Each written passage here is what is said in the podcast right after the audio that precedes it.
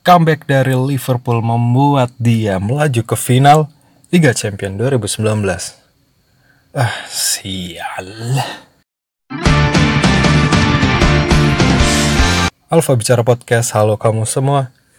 Berjumpa lagi, berjumpa lagi dengan saya di hari apa ini? Uh, sudah lama, berapa hari ya? Seminggu kayaknya. Minggu kemarin absen untuk podcast. Uh, entah kenapa, saya masih agak pilek ini. Lagi pilek terus dan kemarin agak bingung untuk membahas apa karena ya bingung aja sih. Ya lagi belum sempat aja. Dan kali ini saya sempat sempetin aja. Hmm, Ya kemarin itu ngeselin banget karena Liverpool menang bisa comeback 4-0 bar uh, lawan Barcelona ya emang sih Anfield itu emang angker banget tapi kenapa juga harus 4-0 gitu loh ya uh, sebagai pendukung Manchester United yang sangat nggak suka dengan Liverpool ya emang Liverpool mainnya ya emang layak menang. Tapi nggak uh, ya nggak nggak total bagus gitulah nggak total bagus juga tapi ya emang layak menang sih karena mereka itu punya pressure yang sangat bagus kalau menurut saya. Gegen pressing dikit-dikit pressing pressing terus pressing. Bolanya di langsung klem, dilempar ke depan. Dan jarang sekali untuk miss. Jarang salah salah passing gitu. Dan defense defense-nya juga bagus. Eh, dan apa? Oh ya ini sudah waktu saya tag ini. Ini adalah hari ketiga bulan Ramadan. Bagaimana puasa kamu hari ini? Semoga lancar aja dan kalaupun nggak lancar kan kalau perempuan ada yang namanya ini halangan gitu. Kalau laki-laki halangannya apa? Bekerja keras gitu uh, di bawah trek. Ya bisa jadi. Karena ketahanan ini daya tahan tubuh orang-orang kan beda-beda. Ya nggak apa-apa. Kalau emang sudah dibatas kemampuan nggak bisa lagi ya boleh diperbolehkan dipermudah kok. Tapi ya jangan disengaja gitu kan katanya sih kayak gitu. Uh, mau bercerita apa kali ini? Hmm, up, sudah banyak yang masuk. Email-email cerita yang masuk. Um, ada yang bercerita masih tentang percintaan mereka, ada yang tentang keluarga mereka, pekerjaan mereka, banyak hal diceritakan. Um, ya gitu deh. Um, aku mau bercerita sedikit, mungkin nggak nggak secara eksplisit menjelaskan ini ceritanya siapa, tapi mau saya coba cerita sedikit. Dan by the way, saya juga lagi di mobil dan tidak make teks apa pun jadi langsung ngomong. Jadi maaf kalau um, banyak am am am dan mikir-mikirnya karena ya gitu. Masih belajar untuk bicara dengan lancar dan uh, melatih ini storytelling dengan baik ya. sejauh ini sih kayaknya belum sih belum ada progresnya. Tapi ya belajar deh sambil praktek seperti ini. Hmm, dan yang mau cerita lagi silakan aja. Bisa di email. Bisa di email bisa di mana aja. Silakan deh kamu uh, cerita apa aja. Dan mohon maaf karena tidak tidak satu persatu saya balas beberapa ada yang saya balas ada yang saya tanggapi beberapa uh, oke okay lah. Tapi saya kasih notice kalau sudah saya baca. Tapi karena tidak semuanya saya mengerti dan paham dan yang perlu kawan-kawan tahu kan saya juga bukan ahli bukan ahli dalam bidang apa ya psikologi atau komunikasi atau apa gitu. Tapi saya cuma membukakan diri supaya kalian-kalian misalnya beberapa orang kan um, yang punya masalah hanya membutuhkan teman cerita dan beberapa orang itu ada yang tidak memiliki uh, atau sungkan gitu untuk bercerita atau membagi keluh kesahnya ke orang lain, terutama yang kenal ataupun yang yang dekat gitu. Lebih suka hmm, ke orang jauh atau gimana gitu. Dan saya membuka peluang itu untuk cerita. Tapi bukan berarti saya bisa menanggapi semuanya karena beberapa ada sepertinya saya pikir butuh penanganan dari profesional. Iya. Butuh penanganan orang lain. Kayak misalnya uh, masalah keluarga.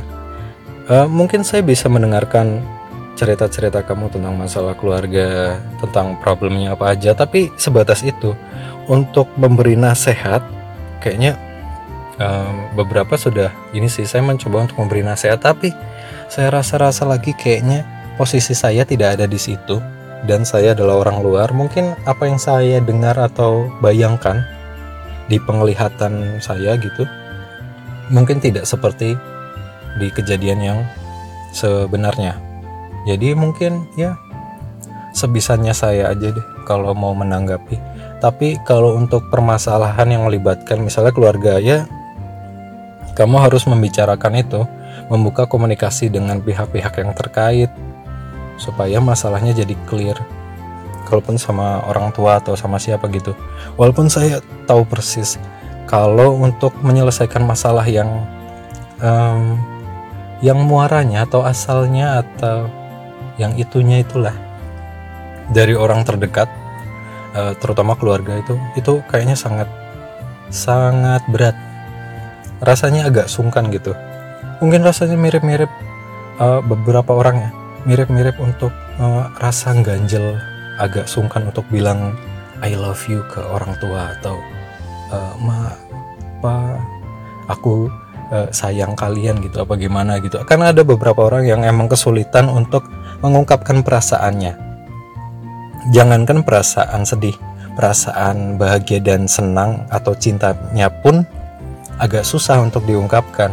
Dan ya itulah harus ada sesuatu yang kamu ini usahakan dan upayakan lawan.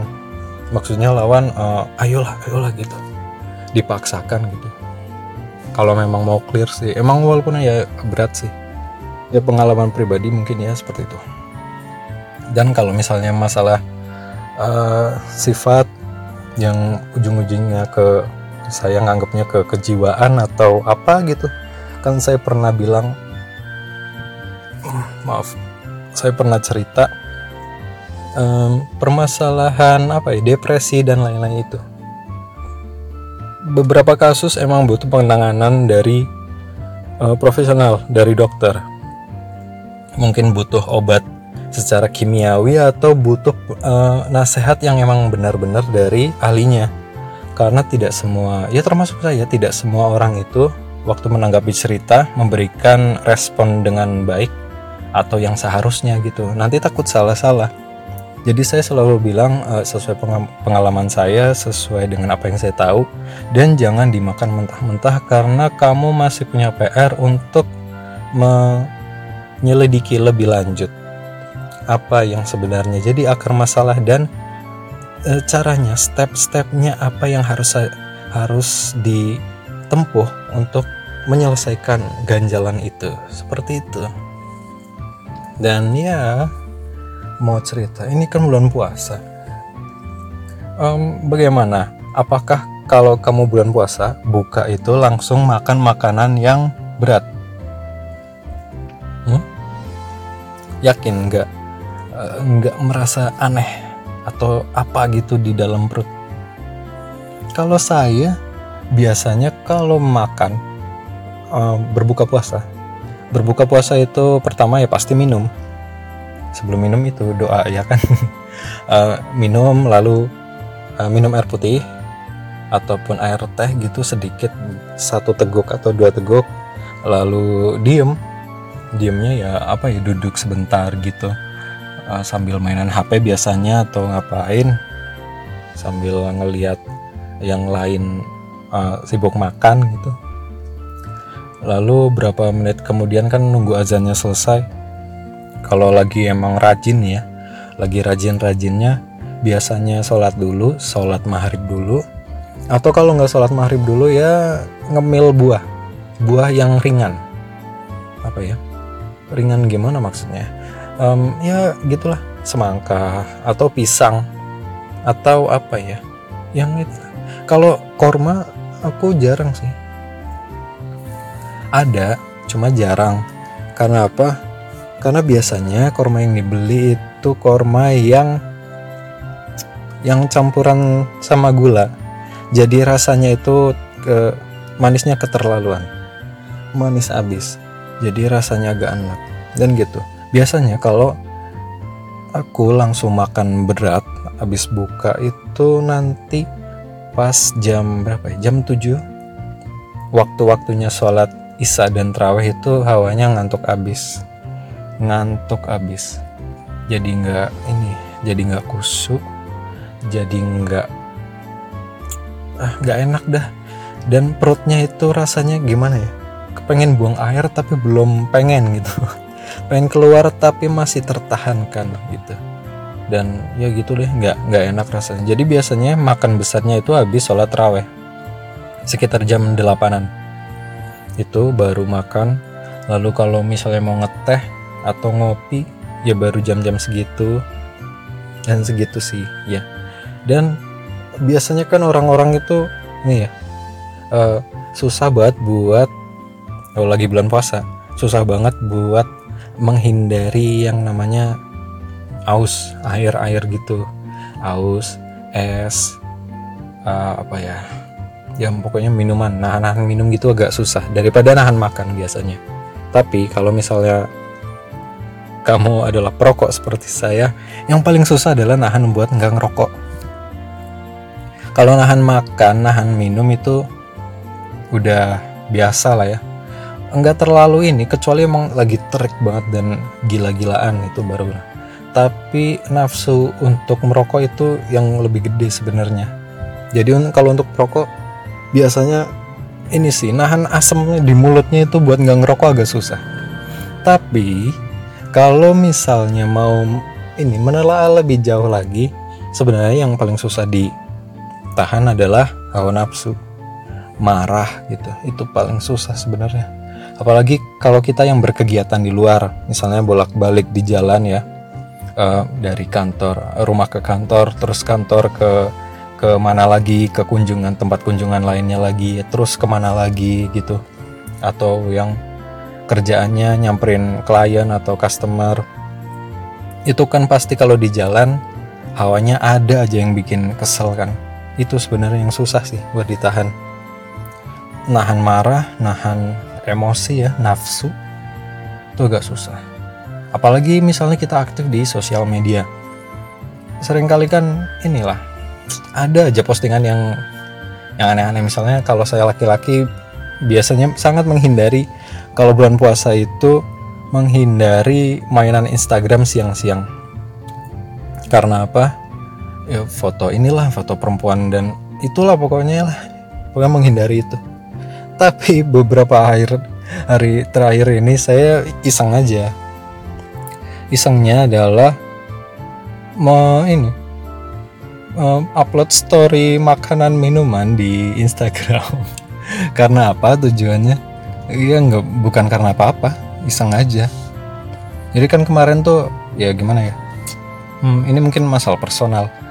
Jadi kemarin ada yang inilah, kalau bla bla bla bla berarti keimanannya kurang gitu. Terus saya mikir, aduh, kok saya kesenggol ya? Apakah imanku berkurang ataukah apakah imanku rendah gitu?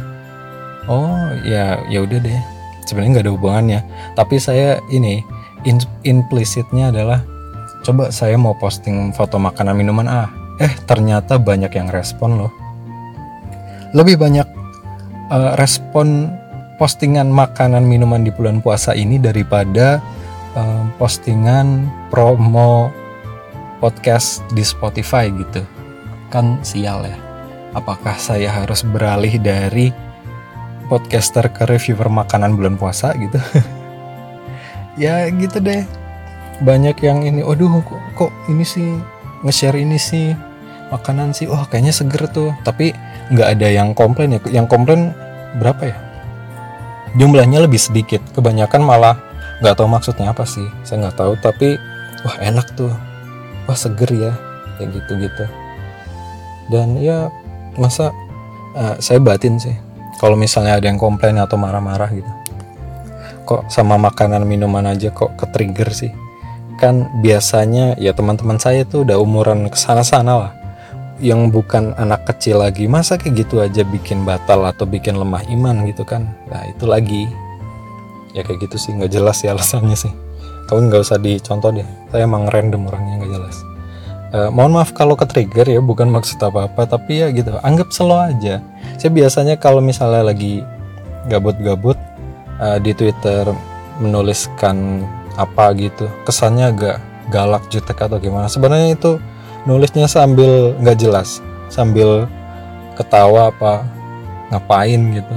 Tapi nggak marah nggak marah-marah nggak. Apalagi cuma di story. Itu cuma guyonan aja. Ya bahan-bahan nggak jelas. Uh, saya mau cerita tapi agak serius. Cerita sekarang apa enggak ya? Hmm oke. Okay.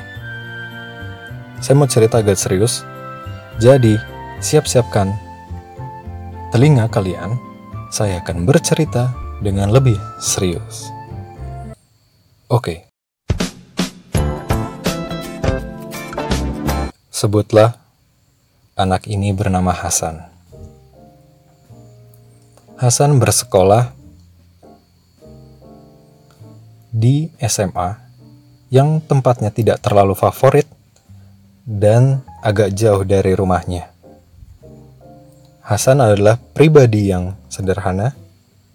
Sederhana karena keadaan yang memaksa ia untuk demikian. Di suatu ketika, di keseharian Hasan, dia bertemu dengan seseorang yang mungkin di kemudian hari menyebabkan pola pikirnya berubah. Hasan adalah pribadi yang mandiri.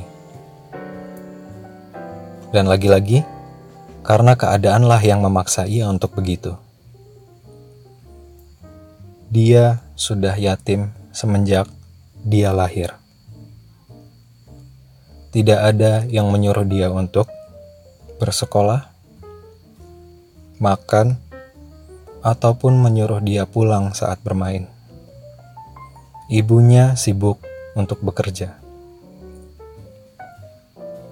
Bekerja dan bekerja, lalu menikah lagi. Hasan hanya berkawankan dengan kakaknya yang nasibnya hampir sama, namun tidak bersekolah seperti Hasan. Hasan bersekolah atas kemauannya sendiri dan atas belas kasih dari tetangga yang rela menyisihkan uangnya untuk jajan Hasan. Di tempat Hasan bersekolah, ia dikenal sebagai anak yang rajin dan pandai. Terlebih, Hasan menerima bantuan beasiswa dari sekolahnya sejak SD, SMA, hingga SMA. Sehari-hari Hasan menghabiskan waktu selain bersekolah, tentunya dia berjualan koran dan membantu kakaknya menjadi kenek di bis dalam kota. Berhari-hari berulang-ulang, berbulan-bulan, bertahun-tahun, itu sudah Hasan lakukan semenjak dia bersekolah di sekolah dasar. Dan hanya sedikit, mungkin sangat sedikit, atau bisa dibilang sebagian besar, uang yang digunakan Hasan untuk bersekolah adalah hasil dari jerih payahnya membantu kakaknya serta berjualan koran. Yang Hasan punya hanyalah mimpi keinginan untuk merubah nasib. Sedari kecil, yang menjadi panutan Hasan adalah kakaknya.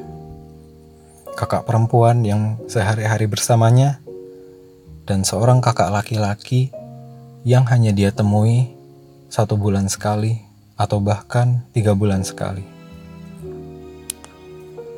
Karena sejak kecil, Hasan tidak memiliki contoh seorang laki-laki yang disebut bapak. Hasan ditempa dengan kehidupan yang keras. Ia menjadi bahan caci maki orang banyak di sekitar. Oleh tetangganya, oleh teman sebayanya pun. Namun begitu, Hasan bukanlah orang yang pantang menyerah. Kehidupan yang keraslah yang membuat hatinya keras keras untuk tidak lembek dan jatuh dan menerima keadaan. Hati yang membuat dia selalu ingin memberontak, ingin hidup lebih baik daripada ini. Tak habis pikir, sepus, uh, sepulang Hasan berjualan, berjualan koran, dia selalu mampir ke tempat kakaknya yang laki-laki yang kebetulan sudah menikah. Di sana perlakuan iparnya bisa dibilang tidak terlalu ramah tapi juga tidak jahat. Lebih kebiasa aja dan tidak diperhatikan. Ketika dia datang, jarang sekali ditanyakan apakah sudah makan, sudah minum, ataukah sudah sembayang. Ya, seperti itu saja. Sebenarnya apa yang jadi maksud Hasan ke rumah kakaknya adalah kegundahannya karena ada kebutuhan dari sekolah yang belum Hasan tunaikan dan ingin meminta bantuan dari kakaknya. Sementara itu, sang kakak belum pulang dari pekerjaannya sebagai supir. Tapi Hasan terlalu takut untuk berbicara dan bercerita kepada iparnya itu. Lalu dengan wajah memelas dan berat, Hasan pergi, mengucapkan salam, pergi entah ke mana. Hingga di suatu jalan, Hasan berpikir bahwa apa sebaiknya saya pergi dan meminta tolong kepada kakek itu lagi ya. Kakek yang dimaksud Hasan adalah kakek yang menolong Hasan di saat keadaan memang mendesak dan selalu soal sekolah. Karena apa pun yang menjadi ganjalan soal sekolah, itu Hasan pikirkan sendiri. Ibunya tidak peduli, kakaknya juga kurang peduli karena keterbatasan kemampuan dan pengetahuan karena di keluarga itu hanya Hasanlah yang punya semangat dan kesempatan untuk bersekolah. Sedangkan yang lain tidak. Lalu Hasan pergi berjalan kaki karena tidak ada ongkos ke rumah kakek itu. Kakek itu baru pulang sehabis sholat isya. Lalu Hasan dijamu dengan teh tanpa ditanya sudah makan atau belum, sudah mandi atau belum, kakek itu langsung menyediakan Hasan cemilan pisang goreng dengan teh panas. Lalu kakek itu bilang, silakan, kamu pasti belum makan dan minum. Kamu capek, mukamu itu asam sekali kelihatannya. Pasti kamu mau meminta sesuatu kan? Ucap kakek itu. Lalu Hasan dengan malu-malu dia makan sedikit demi sedikit pisang goreng itu dan minum. Teguk demi teguk dia resapi dalam kerongkongan dan lari ke dalam lambung. Dan setelah lega, Hasan menghempaskan nafas yang dalam dan panjang. Lalu bicara, iya kek, sebenarnya saya bingung saya ingin meminta tolong, tapi nggak tahu sama siapa lagi. Kakak saya belum pulang. Baru kakak itu menjawab, ada apa? Cerita saja. Seperti nggak biasanya aja. Lalu Hasan cerita bahwa ada tunggakan SPP di sekolah yang belum dibayarkan. Lalu kakek itu bertanya, Bukannya kamu dapat beasiswa? Iya, jawab Hasan. Seharusnya kan bukan hal yang dipusingkan lagi kan? Lalu Hasan menjawab, Iya, tapi uangnya saya pakai untuk kebutuhan lain. Saya harus beli buku, saya harus beli seragam, dan sepatu saya kemarin rusak. Dan uang dari pemerintah itu tidak cukup untuk mengcover itu semua. Apa itu mengcover? Jawab kakak itu. Uh, maksudku uh, itu kayak uangnya tidak cukup untuk itu semua, sehingga SPP itu tidak saya bayarkan. Sambil menempuk-nepuk pundak Hasan, kakek itu bilang, Ayo ikut kakek dulu ke masjid. Di masjid, sang kakek bicara dengan takmir dengan pengurus-pengurus masjid. Lalu dibawakannya sejumlah uang di dalam amplop. Oleh takmir masjid itu diserahkan kepada sang kakek. Lalu Hasan disuruh mandi dan sembayang di situ dulu. Lalu kakek bilang, setelah sembayang dan mandi, temui kakek di rumah kakek mau pulang dulu. Hasan bergegas.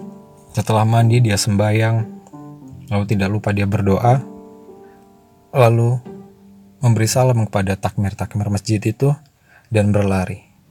Tidak berlari, jalan setengah berlari dengan cepat ke rumah kakek tadi. Sang kakek sudah menunggu di depan, duduk di emperan teras, dan masih dengan sarungnya. Kakek tadi bilang sama Takmir bahwa Hasan butuh uang. Lalu kakek ingin pinjam, tapi tidak boleh. Sehingga kakek bilang ke Takmir, tolong tabungan kakek yang kakek simpan di ruang itu ambil semuanya.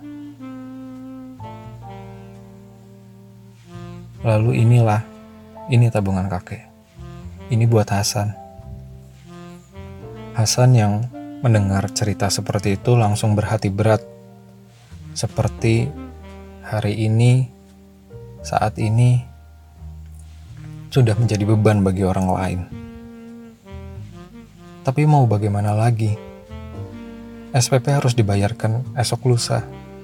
Kalau tidak, Hasan tidak bisa naik kelas 3, tidak bisa lulus, tidak bisa berkuliah kehidupan akan makin susah nanti. Hasan bercerita panjang lebar. Tapi Hasan memang tidak pernah menangis. Sepayah dan sepedih apa pun kehidupannya. Kakak itu mengerti karena kakak itu sudah kenal Hasan jauh-jauh hari dari Hasan kecil. Dan kakek itu selalu membantu. Walaupun sebenarnya kakek itu tidak selalu sependapat dengan Ibu Hasan karena sifat Ibu Hasan yang agak acuh dan agak totaliter dengan mengatur anaknya sedemikian keras. Tapi itulah, ada yang masih sayang sama Hasan. Lalu Hasan menerima itu. Menerima itu dengan hati yang berat. Lalu Hasan menjabat tangan kakek, mencium tangannya, dan pergi. Pergi pulang ke rumah dengan diam-diam. Karena tidak ingin kakaknya dan ibunya tahu bahwa Hasan punya uang. Mereka tidak jahat. Tapi kehidupan orang bawah memang sangat keras. Hasan menyembunyikan uang di dalam amplop itu di dalam sepatunya. Kira-kira ya cukuplah membuat kaki Hasan tinggi sebelah. Dan kemudian Hasan membayarkan SPP itu.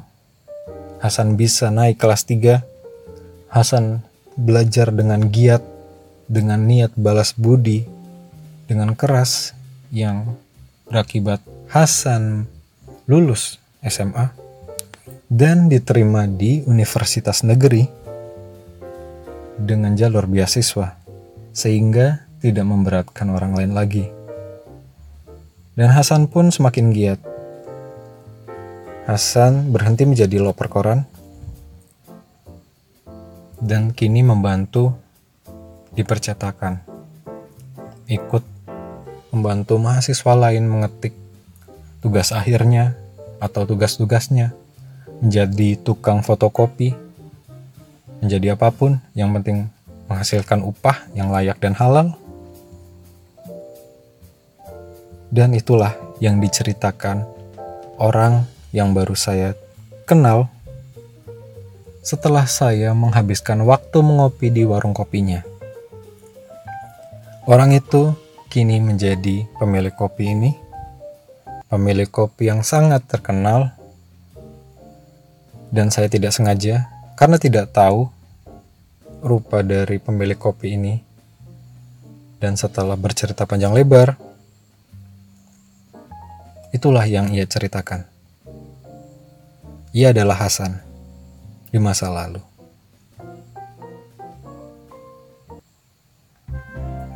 Eh yo, gimana ceritanya? Sorry ya, uh, baru kali ini saya bercerita jadi agak bingung dan itu semua tidak dengan hafalan tapi ya gimana ya, se sepengetahuan saya aja itu. Um, ya gitu deh. Uh, apa pesan yang bisa kamu ambil dari situ? Ada pesannya nggak sih? Tadi aku lupa soalnya. Ya, tapi harus tetap jalan. Ya, oke dah. Ya, semoga cerita ke depan lebih baik lagi. Kalau kamu mungkin mau memberikan cerita juga atau mau bercerita, mengirimkan suara kamu di sini juga boleh. Bisa kirim di alfabicarapodcast@gmail.com atau dan lain-lain lah. Silahkan kirim aja. Dan jangan lupa ini di subscribe uh, YouTube channelnya. Tapi kemungkinan ya, kemungkinan besar perjalanan YouTube channel ini masih panjang karena subscribernya masih 412 dan uh, jam tayangnya itu masih jauh masih 100 ribuan sih. Itu kan uh, channel ini kan sudah saya buat jauh lama tapi tidak diseriusin. Jadi masih banyak ini masih banyak PR-nya kemungkinan untuk dapat AdSense dan mencairkan AdSense dari YouTube itu masih perjalannya agak panjang. Jadi ya ya doakan saya saja untuk mengupgrade kondenser dengan uang saya sendiri. Ya emang harus dengan modal sendiri sih dan terlepas dari uh, podcast yang ramai sekarang toko-toko besar sudah mulai menjajaki dunia podcast. Nah itu uh, berita yang bagus. Karena uh, podcast itu masih dan um, punya potensi besar untuk jadi ini uh, memasyarakat di kalayak ramai. Karena tokoh-tokoh besar yang didengarkan dan dilihat banyak orang sudah mulai mengarah ke sana. Daripada saya yang mengenalkan, saya bukan siapa-siapa, jadi sedikit yang tahu. Tapi kalau toko besar ini yang bilang, eh, ini ada podcast yang kena dan kena infonya dan lain-lainnya itu banyak. Jadi ya makin bagus lah, makin banyak konten yang bisa kamu pilih di platform ini, di podcast ini. Dan ya gitu, tapi jangan tinggalin saya. eh, kirim ide apa pun ya ya gitu deh ini apa ya? Ide siapa? Ini ya gitu sih atau apa ya? Saya lupa. Oh ya ya gitu sih udah lama nggak nggak saya cantumin ininya. Dan saya nggak tahu juga sih bedanya. Ya gitu sih dengan regulernya. Aduh. Ya udah karena sudah panas. Dan semoga uh, kamu ini nanti saya tagnya kan sebelum Liverpool ada lawannya di final nih. Nanti semoga yang menang siapa? Kamu milih Tottenham atau Ajax? Kalau saya Ajax. Gak tau ya, saya ini masih kesel kenapa Liverpool ini ke final. Tapi feeling saya di final kalau iya di final dia nggak bakal menang, nggak bakal juara dan di Liga Premier juga nggak bakal juara asik.